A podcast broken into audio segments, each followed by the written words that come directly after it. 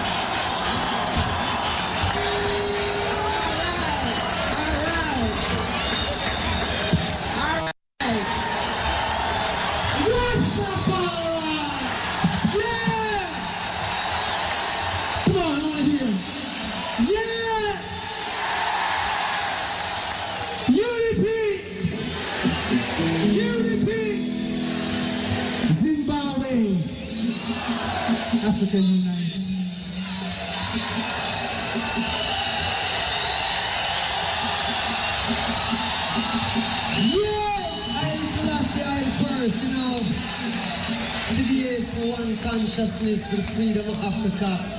If Africa don't feel free, no one will be free.